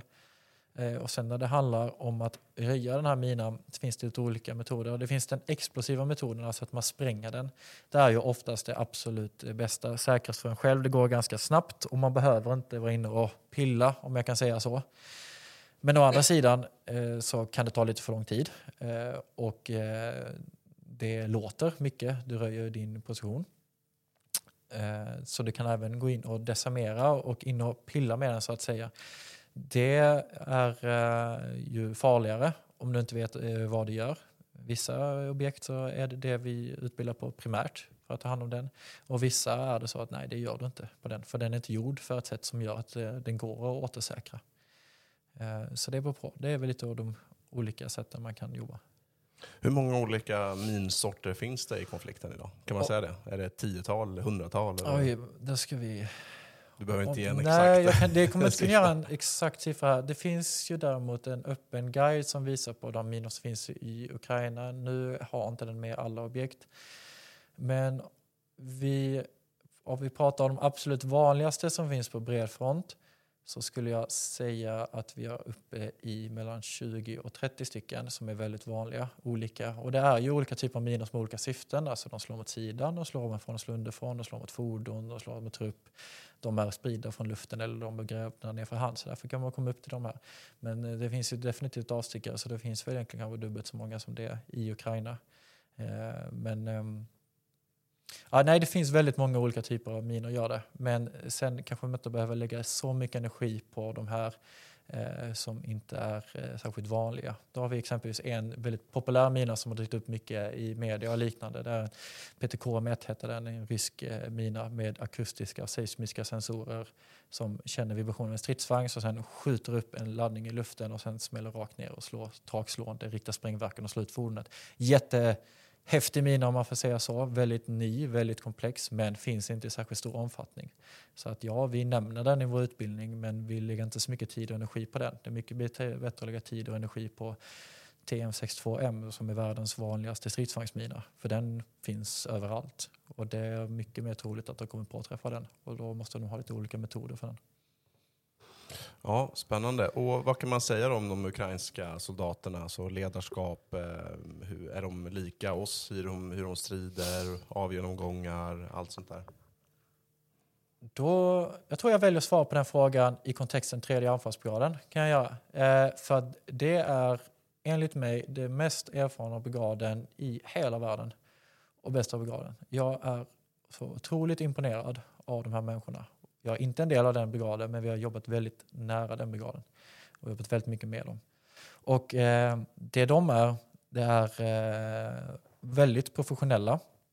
De har en egen utbildningslinje, en grundutbildning som går igenom. Och det är en väldigt ukrainsk utbildningslinje. Alltså det finns västerländska inslag men det är absolut inte en västerländsk utbildning de genomför. Och det är väldigt häftigt att se ett sånt kompetent och välfungerande förband som inte har västerländska eh, metoder. Det finns som sagt västerländska inslag. Eh, det är det bästa jag någonsin har sett. Och då har jag jobbat tio år i Försvarsmakten och sett väldigt mycket från svenska förband. Men det här var verkligen eh, någonting eh, annat. Och en anledning varför de är så pass bra som de är det är att de har väldigt lyckad eh, rekrytering. Det går inte att åka någonstans i Ukraina utan att se deras reklamaffischer. Join Third Assault Brigade liksom. Ja, det är kanske någon, en äh, lärdom för, äh, för Försvarsmakten också där vi har under lång tid plockat bort just möjligheten till rekrytering direkt till olika ja, typer av förband. Utan det... ska, all, alla ska in i någon form av grå pool av ja. människor och sen ska de fördelas ut. Och det, ja, eh, det är nästan så att man inte på förbanden har fått göra reklam för sig själva utan det, allting ska gå, liksom, det är Försvarsmakten och, och sådär. Nej, men jag är väl inne på det som, jag lyssnade på podden du hade exempelvis med eh, Sten då och han eh, sa ju det att det är en väldigt stor skillnad på brigad och brigad i Ukraina. Alltså att eh, på pappret så är båda två en mekaniserad skyttebrigad till exempel. Men det är väldigt stor skillnad i hur de arbetar för en är mer erfaren, en är inte det. Och det kanske har mycket med att göra hur snabbt de jobbar Eh, och liknande. Och, den, eh, och, när de anfaller och liknande. Och så är det verkligen. Det eh, håller jag helt med om. Och tredje anfallsbrigaden är jättesnabba. Och därför måste vi också minröja jättesnabba. För vi kommer aldrig lära dem att eh, ändra deras tidsteknik. Det är inte vårt mål. Så kommer man inte jobba. Vi eh, får anpassa oss till hur de arbetar och ge dem verktyg inom de ramarna för att säga till dem att göra saker annorlunda än vad de själva gör. Det kommer inte vara framgångsrikt Just det. Ja, och, och, ni är ju vad jag förstått på väg tillbaka och gör utbildningsinsats och nu håller ni på att samla in eh, pengar. Hur ja. kan man eh, hjälpa till om man vill eh, stötta det här viktiga arbetet? Det gör man via Paypal. Eh, man kan också köra Buy Me A Coffee och eh, sen kan man även donera till oss direkt från Disarmament Solutions som är ett svenskt företag baserat i Huskvarna som det är egentligen två stycken eh, av våra före detta chefer på Swedec som eh, driver detta. Där kan man donera ett fullt utrustningskit och eh, gör man det, det får också ett, får man ett certifikat från den ukrainska ambassaden i Stockholm. Ja, vi får lägga ner alla de grejerna nere i beskrivningen. Ni har även en Youtube-kanal ju, eh. Ja.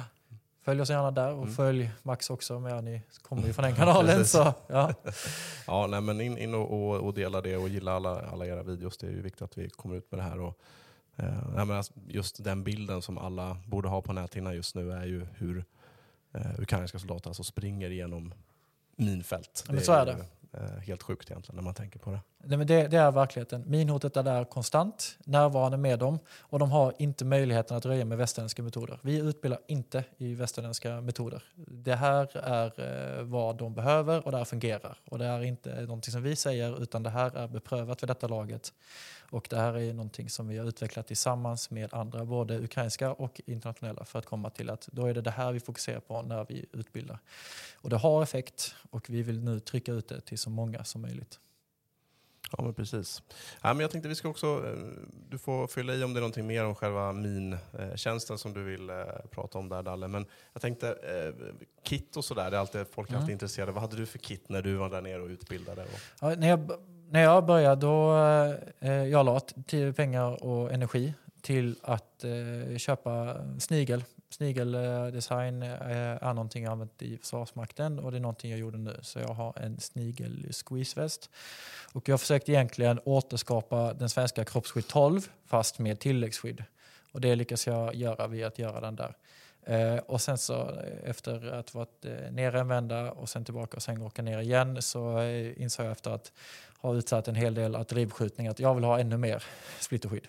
Eh, så jag har eh, splitterskydd för eh, hals och axel och eh, skrev och allt möjligt. Det har jag och en low cut hjälm för också täcka ännu mer. Så det, det är det. och precis, för du har inte, tanken med er är ju inte att ni är med och strider i front, utan ni ska utbilda då ukrainska eh, soldater istället. Vårt fokus den här vändan kommer vara utbildning. Vi kommer eh, troligtvis röja lite minor eh, själva och sånt där också. Huruvida vi ska vara med på eh, någon operation eh, igen eller liknande, det får vara sagt nu. Men vårt fokus just nu är att utbilda så många som eh, möjligt och att utrusta dem. Egentligen så har vi nu första gången kommit till den punkten att vi kan komma till ett förband och säga till dem att vi är här, vi kan hjälpa er med detta och ni kommer få utrustning och allting. Det enda vi behöver från er det är eh, skarpa minor, skarpa sprängmedel och soldater att utbilda. Och, och tiden till det. Allt annat fixar vi. Och det är jättebra förutsättningar och om vi kan göra detta då får vi effekt på riktigt och då är det det vi ska göra. Så vi kommer fokusera på det så länge det är görbart. Och vad är det för utrustning ni har med då? Ni hade de här minröjningskitten som eh, man kan donera. Ja, det är en utrustningssats för de här eh, stormpionjärerna. Det infattar en mindre minsökare som är lätt och kompakt. Och sen så är det ett större kit som de får med sig packat i en väska där de har allt de behöver för att hitta, lokalisera och röja minor. Oaktat typ av mina eller eh, liknande. Minsökare är tyvärr inget universalverktyg i Ukraina så som det har varit exempelvis i Afghanistan och i Mali kan man använda minsökare som ett primärt verktyg. Det är mycket svårare att använda minsökare i Ukraina. Det är väldigt metallkontaminerad mark. Alltså det är mycket splitter som ligger i marken så man måste verkligen lära sig att tolka utslagen rätt. Eller så får man använda andra metoder. Och I vårt fall är det mycket att de använder med ögonen för att det har man inte alltid tiden heller att jobba med det. Och istället då för att säga att det är omöjligt så säger vi att då, då är vi på det ja, så att de får göra det i alla fall. Eh, för det gör de. Mm. Ja men eh, spännande precis, för det, det kan man ju kanske, man föreställer sig kanske att man ska gå med de här minsökarna och svepa, men det, är- det är liksom inte det som är primärmetoden egentligen. Då. Nej, alltså i vissa situationer är ju det. I vissa situationer kan de göra det mer systematiskt så ska de ju göra det mer systematiskt. Och då ska de ju ha verktygen till det också. De ska inte springa över någonting i onödan. Men de ska ha verktyg för att kunna ta hand om minhotet under hela tiden de är vid fronten när de genomför sina operationer. Oaktat vilken situation de är i. Och det kan vara allting från att det är strid i anfallsmålet till eh, vad det nu än är. Och det är också därför som mörker kommer in så mycket i utbildningen. Mörker eh, betyder ofta för dem att de kan jobba långsammare. Därför så tränar vi dem att arbeta i mörker och leta minor för då kan vi ta ner tempot för att det är säkrare på andra sätt. Eh, om man jämför det med västerländsk så är det varken mörker bara no-go, men nej, så är det inte. Mycket av rörligheten görs i mörker i Ukraina därför att eh, andra sensorer kanske inte hittar det då. Eh, så det är ju det ena. De ska ha möjligheter eh, Egentligen då de här stormpionjärerna jobbar som en enskild specialist i en skyttegrupp så vill vi ge dem så många verktyg som möjligt så att de själva kan bedöma vilket verktyg ska jag använda i den här situationen jag befinner mig i. Vilken metod ska jag ta? Eh, vad, och då jobbar vi mycket med risktagning och liknande, att de ska göra en bedömning. För att ingen annan kommer stå där, utan de kommer vara specialisten. Och när de är fast i ett minfält eller vad det nu än är, så kommer alla, alla andra i gruppen att titta på den individen. Och därför så ska den få en bred bas av olika verktyg och olika metoder som den själv får bestämma vad är lämpligast att använda för mig här och just nu. Hur, röjer man, alltså hur använder man visuella eh, mm. cues när, när det är kolsvart? Ja, nej men det, nej men det är ju... Det, det är jättesvårt. Alltså verkligen. Och de har tillgång till bildförstärkare också. Det har de inte. Eh, så att när det är i mörker då har det väl lite att göra med vad kan man ha hittat i området. Om man hittar någonting, hittar du en mina, vad innebär det för dig? Den här minan, innebär det att det kommer finnas andra minor som ser ut som denna eller den andra typen när du är här? Eh, så att det, när vi utbildar mörker, då, då, eh, det får jag tydligt med, då, vi utbildar inte att de bara ska springa så här när det är mörkt. Nu har det hänt mer än en gång och en av dem som vi har utbildat det är ett exempel jag kan dra. Basuk heter den här människan, tredje stormbrigaden. Eh, de eh, var på väg tillbaka efter ett eh, anfall och blev påskjutna av artilleri och hans sidogruppen hamnade i ett minfält. Och, men de själva var utanför det här minfältet och det här var under mörkret. Och det var väldigt mycket artilleri. De själva var vid öppen plats. Så de var tvungna att ta sig i skydd. Så att hans grupp tog sig i skydd. Han tog sig till de här som var fast i minfältet. Och han sprang rakt dit. Eh, gjorde de. Det han gjorde då, som han återberättade, det är att han stängde ögonen och bara sprang. För att han ville inte se den minan som skulle ta han. Och om no ja, nej, det, det, här är det sjukaste jag har hört. Och han kom dit, de andra i den gruppen, de var i en granatgrop.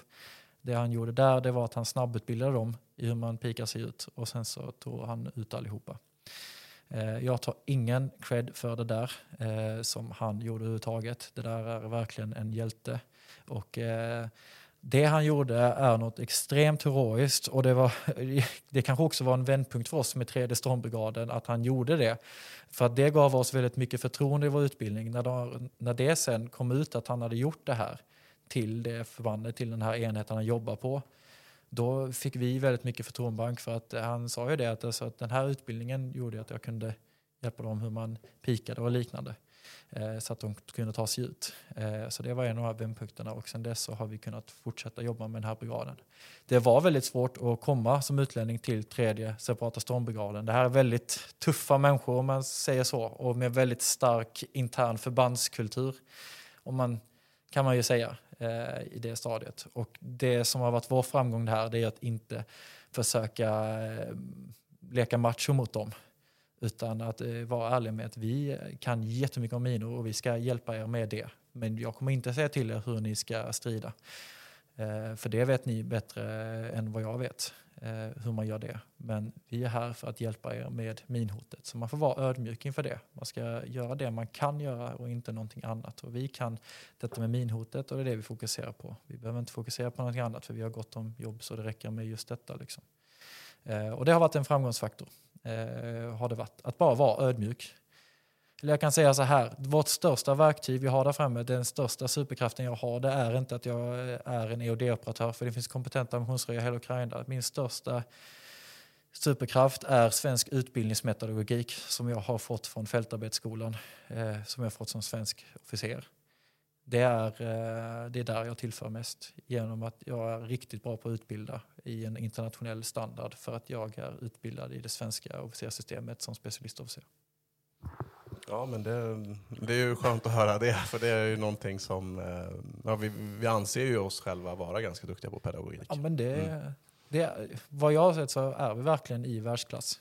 Eh, och, och det lärde mig i legionen, man träffar från väldigt många olika förband och liknande. När man, kanske en eh, kanadensare höll en utbildning så såg jag lite pedagogiska missar och sånt där i vad jag själv tycker. Nu ska jag inte basha på kanadensare, de är jätteduktiga, men vi har ju en speciell utbildningsmetodologik i Sverige och eh, det är den som gjort att vi har tagit oss så långt som vi har gjort. Ja, och lite andra eh, kära ämnen på, på min kanal är det här med 556 mot 762. Har du någon, någon kommentar på den diskussionen? Alltså kaliber 556 och kaliber 762? Nej, men jag säger väl som alla andra, det är 556 eh, som vi bör nyttja eh, Eh, av eh, alla de här anledningarna. Att eh, en strid avgörs väl inte huruvida vilken kaliber du har. Det avgörs huruvida du har ammunition kvar om fienden inte har det. Många strider eh, avgörs ju när eh, ammunitionen har tagit slut från ena sidan. Då måste den dra sig tillbaka. Och därför är 556 eh, bättre av den anledningen, vilket är en väldigt stor anledning. Ja, du kommer få massa hatkommentarer här nere. Där. Jaha, du har 762 supporters i... eh, Ja, absolut. Ja. Men det, det är alltid spännande att höra. eh, så. Och sen så vill jag prata lite också om eh, drönare, drönarhot. Hur, Ja. när börjar man så att säga bli, hur nära fronten börjar man liksom börja bli, ja, eh, vad ska man säga? Du behöver inte alls vara nära fronten för att få drönarhot. Eh, ryssarna har en drönare som heter Orlan. En, som du kan mycket mer om vad jag kan om. Eh, men där, eh, det har exempelvis varit ett problem för oss när vi har utbildat att vi får avbryta övningen för att de skjuter artilleri mot oss när vi övar. Eh, gärna de här stora pjäserna, 2S4, 2S7, som är elledda av Åland.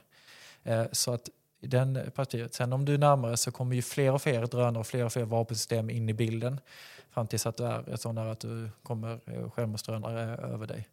Eh, och ja, det är ju självklart ett stort gissel. Jag har verkligen försökt att hålla mig utanför det här med drönare för jag tänker att jag fokuserar på det jag kan någonting om.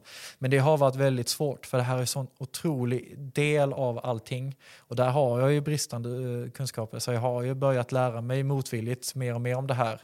Eh, jag hade jättegärna gått en ukrainsk drönarkurs eh, för att eh, kunna fortsätta och förbättra integreringen av drönare i vår utbildning som vi genomför. För vi har drönare med i utbildningen som vi genomför. Men ja, nej, det är, det är, det är läskigt tycker jag. Jag gillar inte ljudet av drönare nu för tiden. Gör jag inte. Nej, för det, jag kan tänka mig det just så föreställa sig själv då. Man, man är ganska långt ifrån svensk kaserngårdsutbildning när man har ett artillerihot mot sig Ja. under utbildning. Så är det.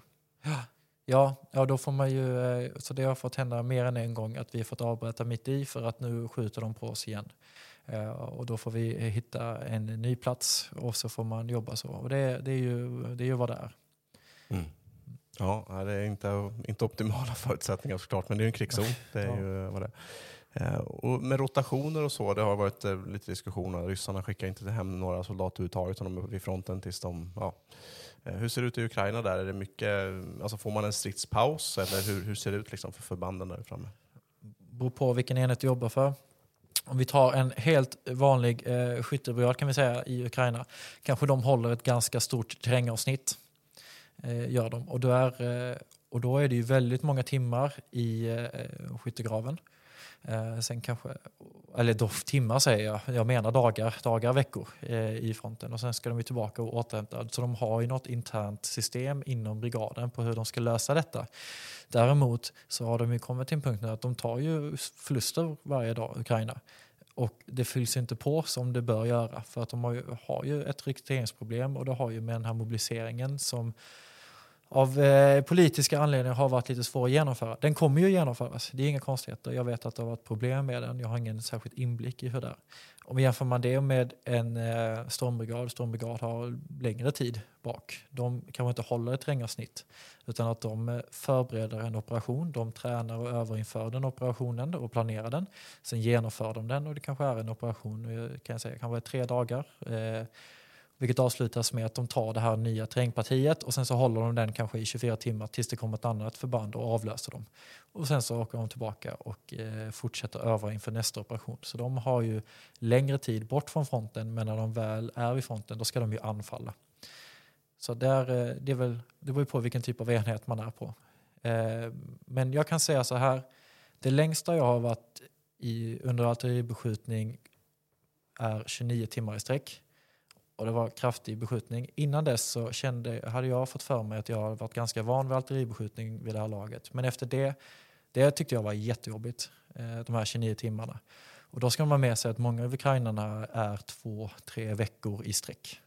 Och det, jag kan bara föreställa mig hur eh, dåligt man mår då. Hur, ja, hur, hur, hur dåligt mår man efter 29 timmars artilleribeskjutning? Nej, men det, ja, det är svårt att, svårt att sätta fingret på, men man känner sig ju väldigt maktlös. Liksom. Eh, I den situationen jag var kände jag mig väldigt maktlös för att jag, jag kunde inte språket så mycket eh, heller och visste inte riktigt, eh, jag hade inte så mycket koll på någonting. Eh, så jag var bara där på den platsen och hoppades att inget skulle träffa rätt. Liksom. Eh, och så.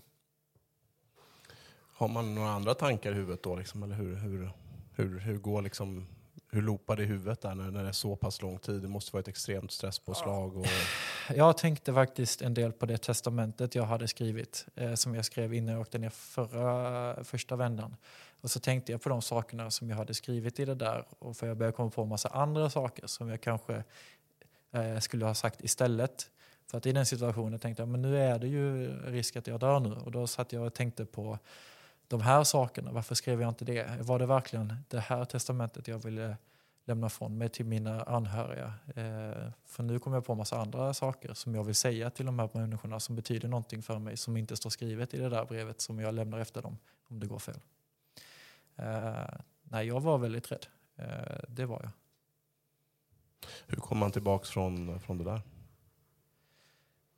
Um, jag, man får ju, där nere så handlar det mycket om att skjuta på det, skjuta upp det eh, så mycket som möjligt när det är eh, jobbigt. Eh, jag går till en psykolog här till, i Sverige eh, via Veterancentrum. Jag har ju veteranstatus från eh, insats i Mali. Så där har jag eh, fått eh, samtal med eh, psykolog. Det är online-samtal. Jag har för avsikt att till den mån det går fortsätta dem i Ukraina och det fungerar. En jätteduktig psykolog. Och vi pratar mycket om det här men det, jag befinner mig nu när jag är i Sverige i, eh, i stadiet att jag har varit i Ukraina och jag ska tillbaka till Ukraina. Och så att man är ju på liv liksom. Och det är eh, inte så kul för jag har ju svårt att landa i Sverige för att jag har ju fortfarande en fot i Ukraina. Antingen att jag var precis på väg in eller nu att jag är på väg tillbaka för vi åker väldigt snart igen. Eh, och det tär ju på relationer. Och jag känner att jag är mer arg än vad jag brukar vara. Jag har kortare stubin nu än vad som är normalt för mig. Eh, men det hjälper, den, eh, de psykologsamtalen jag har haft. Det hjälper jättemycket. Och det är ju för att Alltså det här vet vi ju om. Alltså I psykologivärlden, det här är ju ingenting ovanligt det som händer med. Det har ju hänt tusentals personer under väldigt lång tid och det har ju forskats oändligt om det här. Så det finns ju metoder för detta, för att hjälpa till att komma tillbaka snabbare och liknande. Eh, så det är ingenting konstigt med det egentligen. Och jag är jätteglad att jag lyckades eh, få de här psykologsamtalen och eh, känner ju att det hjälper. Men, men ibland tycker jag att det är väldigt tufft att vara där nere. Det gör jag. Men jag tror på det så pass mycket och jag vill inte sluta för att vi har fått effekt och det har räddat liv. Ja, för du väljer ändå att åka ner igen. Det är ju ingen som, som tvingar ner dig så att säga Nej, till det. Precis. Ja. Nej, nu har vi eh, jobbat otroligt hårt. Jag har aldrig jobbat så här hårt i mitt liv, men det vi har gjort är att vi har åkt utanför Försvarsmakten, åkt som privatpersoner ner eh, utan stöd. Men det som har hänt nu det är ju det har ju byggts upp ett stödsystem av alla de här fantastiska svenskarna som är där nere, svenskar som är där nere och lämnar grejer och allt möjligt, alla de organisationerna. Det är ju ett väldigt stort eh, engagemang från Sverige. Och det är egentligen med kontakter från alla de här organisationerna så har vi ändå byggt vår egen lilla logistiklinje för att vi ska kunna göra det här.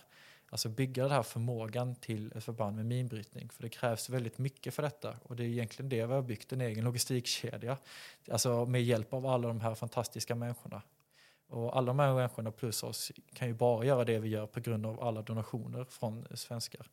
Så att eh, det är... Eh, jag är väldigt stolt över det som är byggt och alla förutsättningar som är skapade nu. Och nu handlar det väldigt mycket om att trycka ut den här utbildningen och eh, förvalta det som är uppbyggt och verkligen skörda frukterna av det genom att få ut den här utbildningen till så många som möjligt. Därför att eh, vi tror på den och varenda förband vi har jobbat på säger att det här är bra, vi vill ha mer av detta. Och det är egentligen allting vi behöver. Hur är det att, ähm, att gå liksom från 29 timmars artilleribeskjutning och sen så ähm, på ganska kort tid kommer man tillbaka och så hamnar man i ja, inte bara i Kiev utan man hamnar liksom i, i Stockholm eller i Sverige och det är eh, ja, människor tycker att, att det är djupaste fred och vi har ju inga bomber som faller ner i Stockholm. Men hur är det liksom, eh, i huvudet? Du nämnde, du var inne lite på det. Men... Um, jag känner ju igen det från en insats i Mali. Eh, bara det att det här var mycket starkare för mig. Um, det, det, är väl att det, det tar på mitt humör och att jag inte mentalt riktigt landar i Sverige, vilket tar på mina relationer. Att eh, jag i samtal med andra människor eh, zonar ut. För att jag sitter alltid och tänker på det som händer i Ukraina eh, och liknande. Och eh, en del av detta är ju att bearbeta eh, det som sker, eller det som, eh, det som skedde och liknande. Eh, för, för jag kan ju säga att jag tyckte det var jobbigt för att jag har varit yrkesmilitär i tio år och jag reagerade starkt på den händelsen att jag blev väldigt rädd där. Eh, och det, så rädd har jag inte varit innan. Och, då, och det har jag skämts för faktiskt. För att eh, om vi tar flera personer i samma situation för mig, ukrainare, som hade stridit i Bachmut i två år, reagerar inte lika starkt på den händelsen som jag. Så där kände jag mig lite feg, om man kan kalla det så. Eh, och det, så att nej, just att jag var så rädd där, det, det var svårt för mitt egna ego egentligen i början eh, var det. Eh, ganska snart efter den händelsen eh, så av andra anledningar valde vi att vi skulle eh, gå till ett annat ställe i Ukraina. Det var för att ja, vi hade avslutat avtaget med just de vi var då. Vi skulle över till ett annat ställe eh, i söder. Och då bestämde sig egentligen via min kollega då att men vi åker ner och röjer lite minor här. Här har vi möjligheterna mellan detta att röja lite själva. Och då gjorde vi det och var själva ute och bara röjde och inte fokuserade på utbildning ett tag utan att hjälpa en person. Det var precis innan vintern kom. Precis innan vintern kom och då måste vi verkligen röja minor för att man hinner. Då är det liksom sista slutspurten innan vintern. Man får ta, det är de minor som hinns med. Liksom. Eh, så, då, så kunde vi motivera det att jo men det här är viktigt just nu att vi mm. gör detta. Det blir kärle sen i marken. Ja precis, för då blir det så mycket svårare och den personen, en eh, britt som vi har kontakt med, bara han, han behövde hjälp för att de vill göra klart det här verkligen innan, innan det blir för svårt. Så då kunde vi motivera det och jag ska säga att det var så otroligt skönt att vara själv ute på ett fält och få jobba med minorna, känna sig kompetent och ha kontroll över situationen. Det är ju farligt att röja minor. Men det är också eh, så att jag är ju kontroll i huruvida eller inte eh, jag klarar mig. Det, ju, det, kommer ju inte gå fel om inte jag gör någonting fel. Men med artilleribeskjutning så är det ju mer en chansning.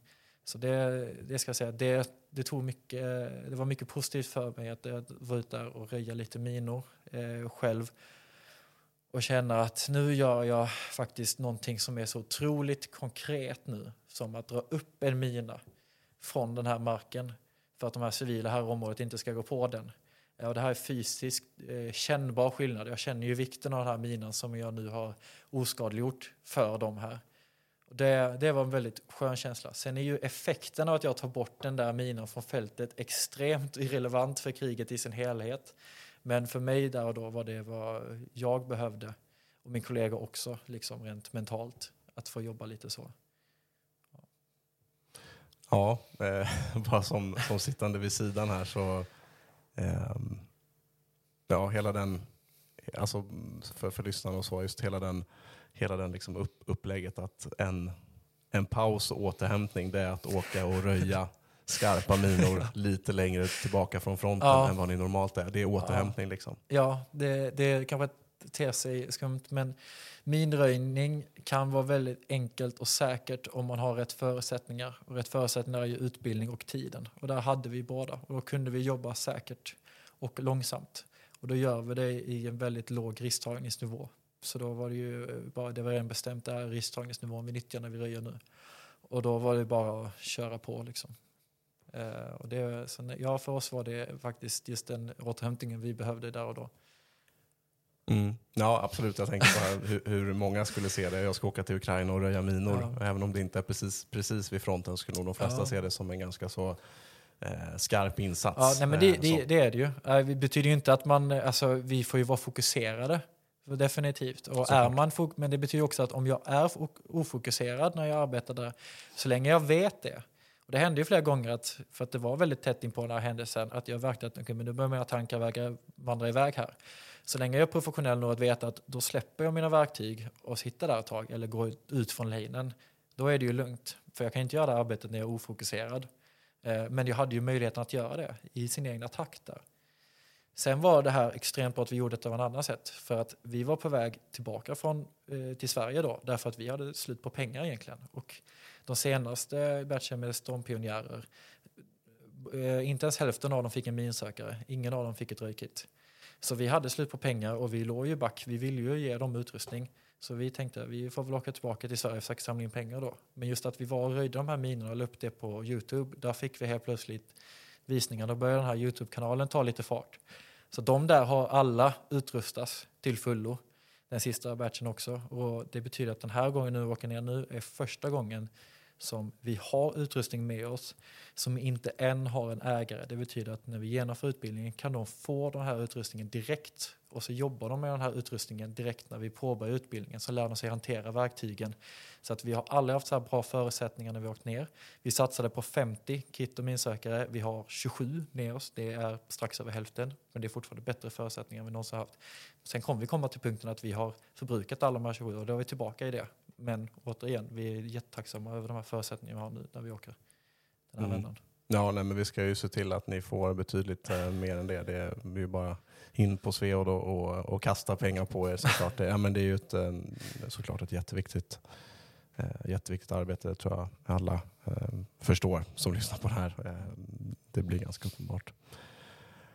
Ja, du har nämnde det, du, ni är på väg tillbaks eh, och vi tänkte vi skulle bara gå in lite kort på, på erfarenheter. Vad skulle du vilja skicka med till eh, Försvarsmakten? Om du fick liksom sända till Försvarsmakten nu, vad skulle du skicka med då Dalle? Ser vi till Försvarsmaktens ledning så vill jag säga, eh, då vill jag vara lite kritisk mot eh, eh hur Ukraina har utbildats i, inom Interflex när det kommer till minhotet.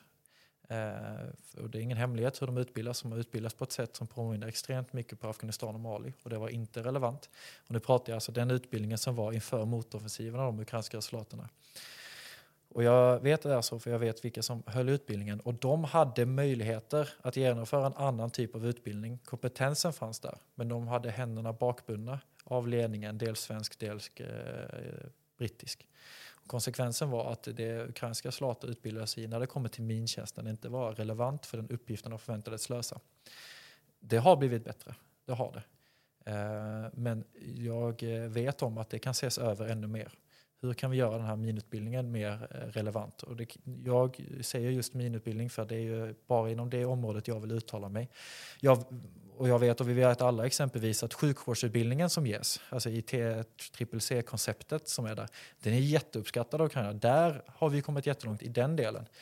Men när det kommer till mintjänsten, det finns kompetent hos instruktörerna som ni skickar till Interflex. De vet vad de gör, men de känner att de har händerna bakbundna. Det vill jag ta med sig, att se över det. Hjälp dem, låt dem jobba och ge dem så bra utbildning de bara kan.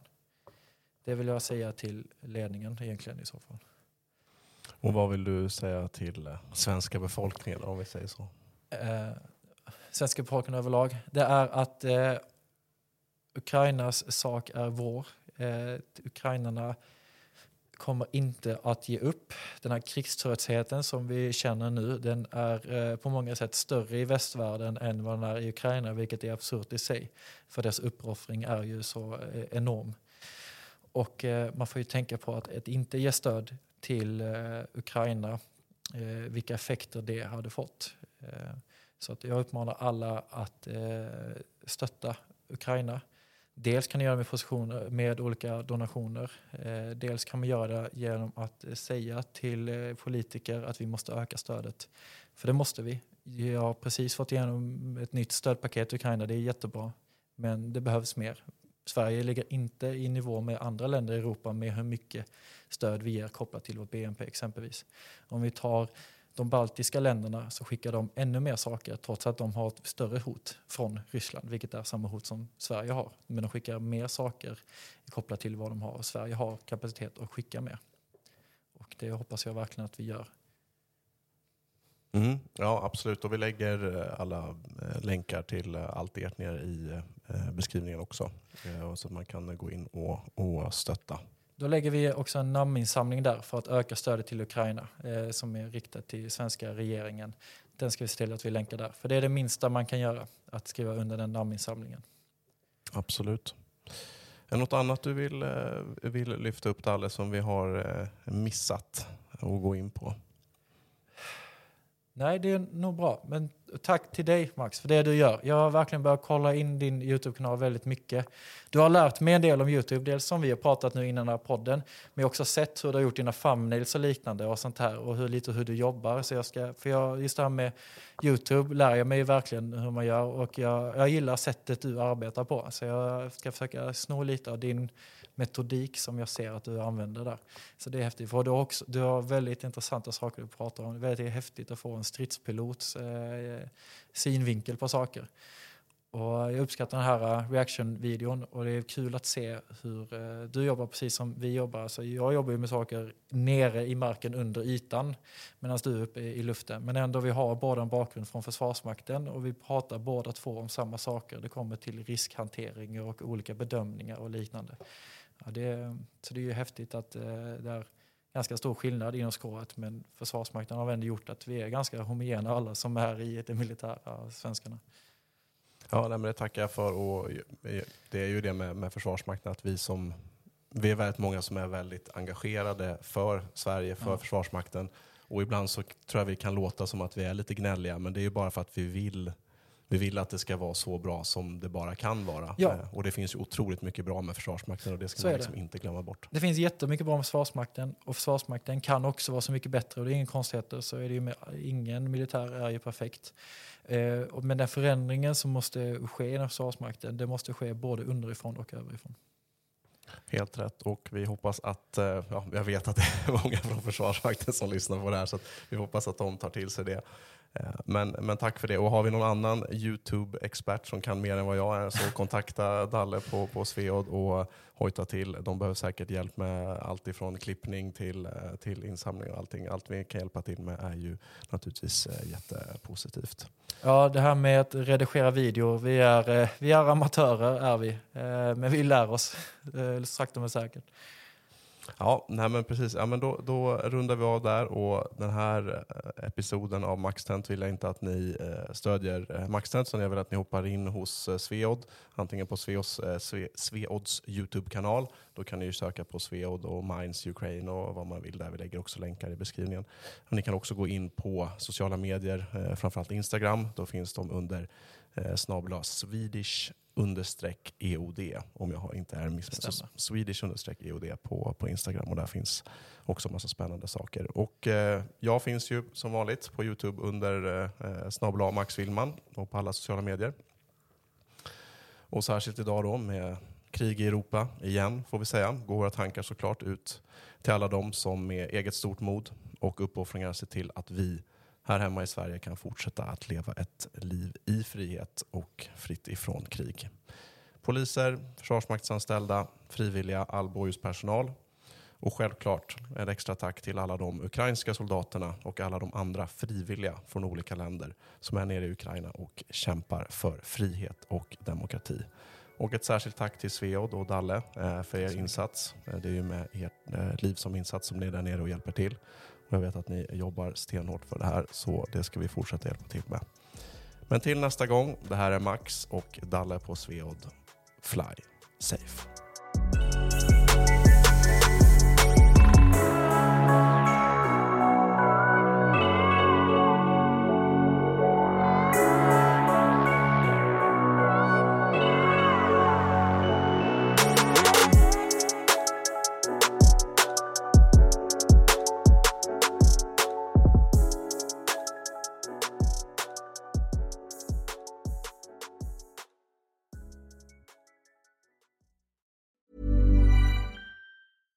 Selling a little or a lot? Shopify helps you do your thing however you cha-ching. Shopify is the global commerce platform that helps you sell at every stage of your business. From the launch your online shop stage to the first real life store stage, all the way to the did we just hit a million orders stage. Shopify is there to help you grow. Shopify helps you turn browsers into buyers with the internet's best converting checkout. 36% better on average compared to other leading commerce platforms because businesses that grow grow with Shopify. Get a $1 per month trial period at shopify.com/work. Shopify.com slash work. Even when we're on a budget, we still deserve nice things. Quince is a place to scoop up stunning high-end goods for 50 to 80% less than similar brands. They have buttery soft cashmere sweaters starting at $50, luxurious Italian leather bags, and so much more. Plus, Quince only works with factories that use safe, ethical, and responsible manufacturing. Get the high-end goods you'll love without the high price tag with Quince. Go to quince.com/style for free shipping and 365-day returns.